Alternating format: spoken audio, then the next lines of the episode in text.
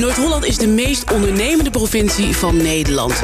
Hier wordt richting gegeven aan de toekomst. Maar door wie? Wie zijn die mensen? Wij noemen ze de aanvoerders. Mijn naam is Ger Welbers en vandaag is mijn gast Geert de Udo. En zij is sinds begin van dit jaar directeur van Amsterdam en Partners, het voormalige Amsterdam Marketing. Geert werkt inmiddels ruim 10 jaar bij de club, waar zij ooit begon op de afdeling marketing. En tegenwoordig is het woord marketing, in combinatie met het woord Amsterdam, erg besmet geraakt. En met Geert ga ik in gesprek over hoe zij met dat gegeven omgaan bij Amsterdam en Partners. Geert, welkom. Even voor de luisteraars, wie is Geert de Udo? Ja, ik ben Geert Udo. Um, Ik werk inderdaad al 13 jaar um, met heel veel partners en heel veel mensen aan de reputatie van de metropool Amsterdam. En uh, ja, ik uh, woon al 20 jaar in Amsterdam. Ik ben bestuurskundige. Uh, maar ik heb me dus altijd mateloos gefascineerd over waarom mensen met elkaar samenleven. En uh, hoe we dat zo goed mogelijk kunnen organiseren. Ja, nou, dus meteen gaan we naar een heel mooi filosofisch uh, niveau. Amsterdam en Partners, dat is een non-profit organisatie hè, in de publiek-private sector. En jullie doel is om Amsterdam nog beter te maken om te leven, om te werken en om te bezoeken. En dat is nogal een klus. Hoe pakken jullie dat aan? Nou, we hebben inderdaad de, de uh, ambitie om Amsterdam een leefbare stad te laten zijn. En uh, je ziet eigenlijk het verschil met tien jaar geleden, hè, toen we begonnen. Toen hadden we hele mooie groeiambities. Dus we wilden meer bedrijven, meer bewoners, meer bezoekers. En dat zijn eigenlijk allemaal middelen om zo'n stad leefbaar en welvarend te houden. Ja, laten we alle drie even apart bij de kop pakken. Eerst maar eens even, hoe maak je Amsterdam beter om in te leven? Ja, ja het, uh, we hebben een stad wordt gemaakt door de mensen die er zijn. En Amsterdam is al 750 jaar, bijna 744 jaar precies te zijn. Een stad waar gewoond wordt en gewerkt en waar heel veel mensen komen en gaan. En wat wij belangrijk vinden in eerste instantie is dat Amsterdammers zich veilig voelen en zich thuis voelen. Nou, daar gaan wij als branding- en marketingorganisatie natuurlijk niet over. Maar wat we wel belangrijk vinden is dat Amsterdammers hun eigen stad beter ontdekken. Ja. Want dat is natuurlijk essentieel. We zijn allemaal een reislustig volk. Uh, we reizen met z'n allen heel wat af over de wereld. Maar op ontdekkingstocht in je eigen stad gaan, dat doen mensen eigenlijk een stuk minder. Is Amsterdam daar uniek in? Of is dat eigenlijk een, uh, nee, een het gedrag het, wat je overal in de wereld ziet? Het zijn net mensen. um, ook in Amsterdam. Dus dat zie je overal. Maar wij geloven wel, hè, om die stad leefbaar te maken, is het ten eerste van belang dat Amsterdammers hun eigen stad ontdekken beter weten, hé, wie zijn we nou eigenlijk? Waar staan we voor? Als ik in Noord woon, wat weet ik eigenlijk van Zuidoost? Of als ik in Nieuw-West werk, wat weet ik dan van Noord? Dat is heel erg belangrijk, want wij maken met z'n allen de stad. Maar hoe krijg je die Amsterdammer in beweging in zijn eigen stad? Ja, dat is een goede vraag, want hij is natuurlijk heel eigenwijs. Ja. En terecht, dat maakt ze ook zo leuk. Maar wij geloven wel door de juiste verhalen te vertellen... op het juiste moment, door de juiste personen... via de juiste kanalen. En dat is natuurlijk uiteindelijk wat reputatiebouw en gidsen... zoals we dat dan noemen, heten. Dus we hebben heel simpel een buurtencampagne... waarin ambassadeurs van bepaalde buurten vertellen waarom hun buurt volgens hen de moeite waard is voor Amsterdammers om te bezoeken en een keer langs te gaan. Dat is uiteindelijk wat we weten vanuit de social media en de marketingcommunicatie. Mond-op-mond reclame is nog steeds de sterkste manier van communiceren. Ja. En door social media kan je die mond gewoon veel groter maken. Ja. Dus dat is heel erg van belang. Daarnaast hebben we natuurlijk ook nog de uitkant en de uitmarkt. Omdat Amsterdam zo ontzettend veel diversiteit en cultuur heeft... dat er heel veel te ontdekken is. Mhm. En ook daarin weten we dat Amsterdammers net mensen zijn... en soms wat lui zijn en eigenlijk vaak doen wat ze al kennen. Ja. En wij proberen net diegene uit een stoel te halen. Net dat andere te doen waarvan ze net niet weten dat het ook om de hoek plaatsvindt. Hey, en werkt dat in de praktijk ook? Dat werkt voor een deel wel. En voor een deel hebben we daar nog heel veel uitdagingen. Een van de uitdagingen is dat Amsterdam natuurlijk heel veel te bieden heeft. Uh, dus als ik jou zou willen verleiden om uh, naar het theater te gaan... dan helpt het als ik van tevoren eigenlijk al weet wat jouw voorkeur is. Of je houdt van ballet, of dat je houdt van musical... of dat je houdt van improvisatie of van comedy...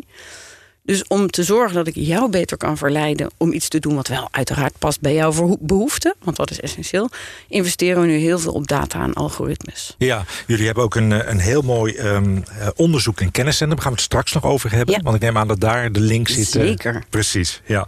Nou, dan hebben we het over hoe maak je Amsterdam beter om te leven. Daarvan zeg je, ja, laat die Amsterdammer ook zien wat voor mooiste in Amsterdam allemaal te vinden is en waar. Zodat hij die blik ook krijgt uh, dat hij ziet, nou ik woon in een hele fijne stad waar van alles te doen is. Ja, en de tweede reden is ook wel hè, dat als Amsterdammers de stad breder en anders gaan gebruiken, dan volgen op den duur die bezoekers ook. Okay, Want dat is natuurlijk de andere kant van de leefbaarheid. We hebben met z'n allen geïnvesteerd dat de stad er mooier en beter uit bij ligt dan anders met de metropool de afgelopen 15 jaar geïnvesteerd. Maar we merken natuurlijk tegen, sinds 2014 ook wel dat dat ook op bepaalde plekken op bepaalde momenten negatieve gevolgen kan hebben. Mhm. En dat is ook het leefbaarheidsverhaal. De, de overlast die door wangedrag plaatsvindt, bijvoorbeeld in het Wallengebied of op het Leidseplein of het Rembrandtplein dat, dat schaadt ook onze leefbaarheid. Het vuilnis, het wangedrag, de lawaai-overlast. Dus daarin zijn we bezig met campagnes, samen met handhaving, met de politie en de gemeente. Omdat we daar moeten bouwen aan een andere reputatie van Amsterdam. Ja, dus echt die, eh, die overlast aanpakken. Ja, dus echt, dat, is natuurlijk ook wat de leefbaarheid van de Amsterdammers beïnvloedt. Ja. En Amsterdam, de, Amsterdam is een wereldmerk. En dat is ze onder andere doordat wij een bepaalde mate van vrijheid hebben. Waar de wereld jaloers op is en waar we volgens mij met z'n allen ook trots op mogen zijn. Zeker. Alleen vrijheid blijft niet, betekent niet vrijblijvendheid. En vrijheid is echt gebaseerd op respect voor elkaar en voor de stad. We gaan daar verder op in uh, straks, uh, Geert. Ik wil even de thema's afmaken. Hè? Hoe maak je Amsterdam beter om in te werken? Ja, ook heel goed. Nou, één is natuurlijk dat je heel graag banen voor iedereen wil hebben. En iedereen weet dat de transitie in de, in de economie op het moment razendsnel gaat. Amsterdam is van oudsher een stad van diversiteit en dat moeten we ook blijven. Dus je moet met z'n allen zorgen dat Amsterdam en de metropool een stad en een gebied is waar we banen hebben voor hoogopgeleide, voor praktisch opgeleide, voor mensen met een technische achtergrond, een filosofische achtergrond. En dan is het dus belangrijk dat je eigenlijk al begint met de hele opleidingsomgeving. Dus we hebben gekeken, waar zit nou de toekomst? En we weten allemaal de flexibiliteit en leervermogen, daar moeten we met z'n allen op inzetten. En het is heel mooi, er zijn natuurlijk heel veel partners in de stad. Daarom heten wij ook Amsterdam en Partners, die daar hard op inzetten. Alleen dat moet wel bekend worden. Bij de Amsterdammers, bij de Nederlanders en in de buitenwereld. Ja. Dus als wij aantrekkelijk willen worden voor de economie, moeten we investeren in talent wat hier naartoe komt. Moeten we investeren in opleidingen hier naartoe komen. Maar we moeten ook een klimaat organiseren. Het business ecosysteem, zoals dat zo mooi heet. Waar we in de toekomst nog steeds banen genereren voor al die Amsterdammers. Met welke partners doe je dat? Specifiek die, die kennis, zeg maar, die opleidings... Ja, uh, ja wij, wij heten niet voor niks tegenwoordig inderdaad Amsterdam en Partners. We hebben 1050 partners en dat zijn partners in de culturele sector... 32 gemeentes, twee provincies, maar ook heel veel bedrijven. En dat zijn niet alleen maar bedrijven in de, in de toeristische sector... dat zijn ook heel veel bedrijven op de Zuidas... maar het zijn ook heel veel kennisinstellingen, uh, de universiteiten, et cetera. Dus dat is natuurlijk dat zijn alle organisaties die uiteindelijk het gebied maken. En daarin kijken we elke keer specifiek wat is nou de behoefte, maar ook wat is ons onderscheidend vermogen. Een mhm. mooi voorbeeld is natuurlijk de komst van de EMA. Doordat de EMA gekomen is, trekken we heel veel life science kennis aan. Waar we de universiteiten, VUMC aan kunnen koppelen. Maar je ziet ook dat je dan qua opleidingen daar wel op moet investeren. Ja. EMA is het uh, medicijnagentschap hè? aan de Zuidas zien we nu het uh, kantoorgebouw. Iedere dag weer volgens mij een verdieping erbij. Dus Binnenkort gaat het open, ja. ja. Ja, dat vind ik altijd wel weer ambitieus. Hè? Volgens mij februari of zo. Ja. En als ik het nu zie, denk ik, hoe ga je dat in godsnaam voor elkaar ja, krijgen? Bijzonder, hè? Zo hard als die stad dan groeit. Ja. Ja, maar dat, dat biedt ook weer kansen. Hè? Je ziet dan dat binnen de life science Amsterdam weer heel erg onderscheidt op het gebied van artificiële intelligentie. Ja. En dat we op alle niveaus kijken, in de zorg, in de verpleging, maar ook bij het hoger onderzoek wat gaat die rol van artificiële intelligentie daarin zijn? En door daarop in te investeren met het Business Science Park, et cetera, et cetera, maak je je ook onderscheidend in de wereld. Want dat is natuurlijk in de grote concurrentie van steden. En dan gaat het niet over meer, maar dan gaat het echt over beter. Dus ja, dus kwaliteit, hè? Ja. Echt over kwaliteit. Ook daarin zit natuurlijk een stuk leefbaarheid. Hoe gezonder wij zijn, hoe meer kennis we hebben op het gebied van life science, een congres als het cardiologencongres proberen we ook te verbinden aan de stad. Zodat uiteindelijk Amsterdammers ook weer beter weten... wat moet ik dan doen voor mijn hart om te mhm. zorgen dat Hoe doe je dat bijvoorbeeld dan bij de cardiologencongres? Nou, dat is een heel mooi voorbeeld. Hè. Daar zitten we samen met het Universitair Medisch Centrum... maar ook met de Hartstichting en een aantal andere partijen... hebben we echt gezeten en gezegd... Wat kunnen we doen voor die Amsterdammer? Want het is prachtig natuurlijk voor de RAI die, die, dat dit congres hier is. Het is prachtig voor de hotellerie en voor een aantal andere eh, partners in de horeca. Het is prachtig voor nog veel meer partners voor de universiteit. Want het trekt ook heel veel kennis naar de stad toe. Maar je wil ook kijken of je die boodschap dan kan verbreden. En kan zeggen, oké, kunnen we dan een publieksevenement doen... waarmee we Amsterdammers informeren... maar wat kan jij nou doen zodat je ook een beter hart hebt. Want dan verbind je echt zo'n congres met de stad en haar bewoners. En dan geloven wij ook dat het dus niet alleen maar gaat over geld in het laadje van ondernemers. Maar het gaat echt over het verrijken van Amsterdam en de Amsterdammers. Ja, fantastisch mooi verhaal. Wanneer is het cardiologencongres overigens? Is dat, uh... 2020. Oh, Oké, dus we hebben nog even. Ja, maar ja nu nee, daarom zitten wij nu midden in dat, uh, in dat traject. Maar als het goed is, kunnen we daar dus al onze communicatiekanalen weer voor inzetten. Zodat Amsterdammers dat ook weten en daar naartoe kunnen komen. Ja, nou wij zijn met de drie doelen bezig. Hè. Amsterdam om in te leven hebben we het over gehad. Amsterdam om in te, te werken hebben we het ook over gehad. En, en de laatste van de drie, en dat is wel de meest controversiële... Amsterdam als stad om te bezoeken. Hè? Ja. Uh, in mijn inleiding zei het al, het is niet, uh, niet het meest uh, sexy onderwerp op dit moment voor, voor jouw organisatie. Hoe kijken jullie daarnaar? Ja, sexy.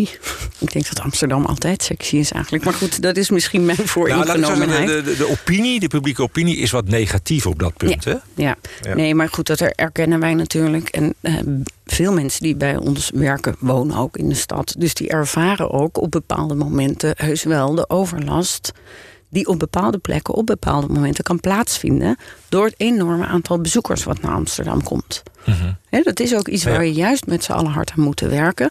Um, wij geloven niet in het, het begrip drukte, omdat je er niks mee oplost. Op het moment dat je kan benoemen wat leidt tot overlast, en dat is soms druk op de openbare ruimte omdat er te veel mensen zijn.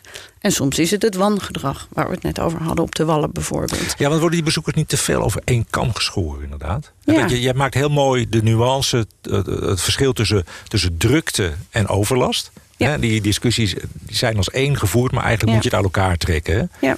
Ja. En, en, en, uh, ja, want drukte kan op bepaalde plekken leiden tot overlast. Maar drukte is niet per definitie overlast. op Koningsdag is het ook druk en dan ervaren we dat anders. Op de A10 is het ook druk. Ja, nou ja, kan, kan je ook wel eens last van hebben als het te druk is. Dus het is, weet je, je moet heel. Het helpt. En de reden waarom we dat ook een belangrijke discussie vinden, is om Niemand is een voorstander van overlast. Dus daar vinden we alle partners in om dat gewoon op te lossen. En dat is uiteindelijk waar we natuurlijk voor staan. Dat we oplossen wat de nadelige effecten zijn van de harde groei van de stad. dat, dat, benoemen we ook met onze partners, maar ook in onze strategie. Amsterdam groeit natuurlijk aan alle kanten. er komen 10.000, 11.000 inwoners per jaar bij. Nou, we hebben een ontzettende woningopgave om iedereen die er graag wil wonen ook een huis te kunnen bieden en een betaalbare woning. Dus daar zie je ook dat, het, hè, dat die druk enorm toeneemt. Er komen heel veel bedrijven naar de stad, maar je wil niet dat er verdringing plaatsvindt. Dat Amsterdammers hier geen baan meer vinden of geen huis. Dus wij zeggen ook wel, wij zijn echt een hardgroeiende metropool. Ja, dan komt bij jullie ook alles samen, denk ik wel eens. Hè?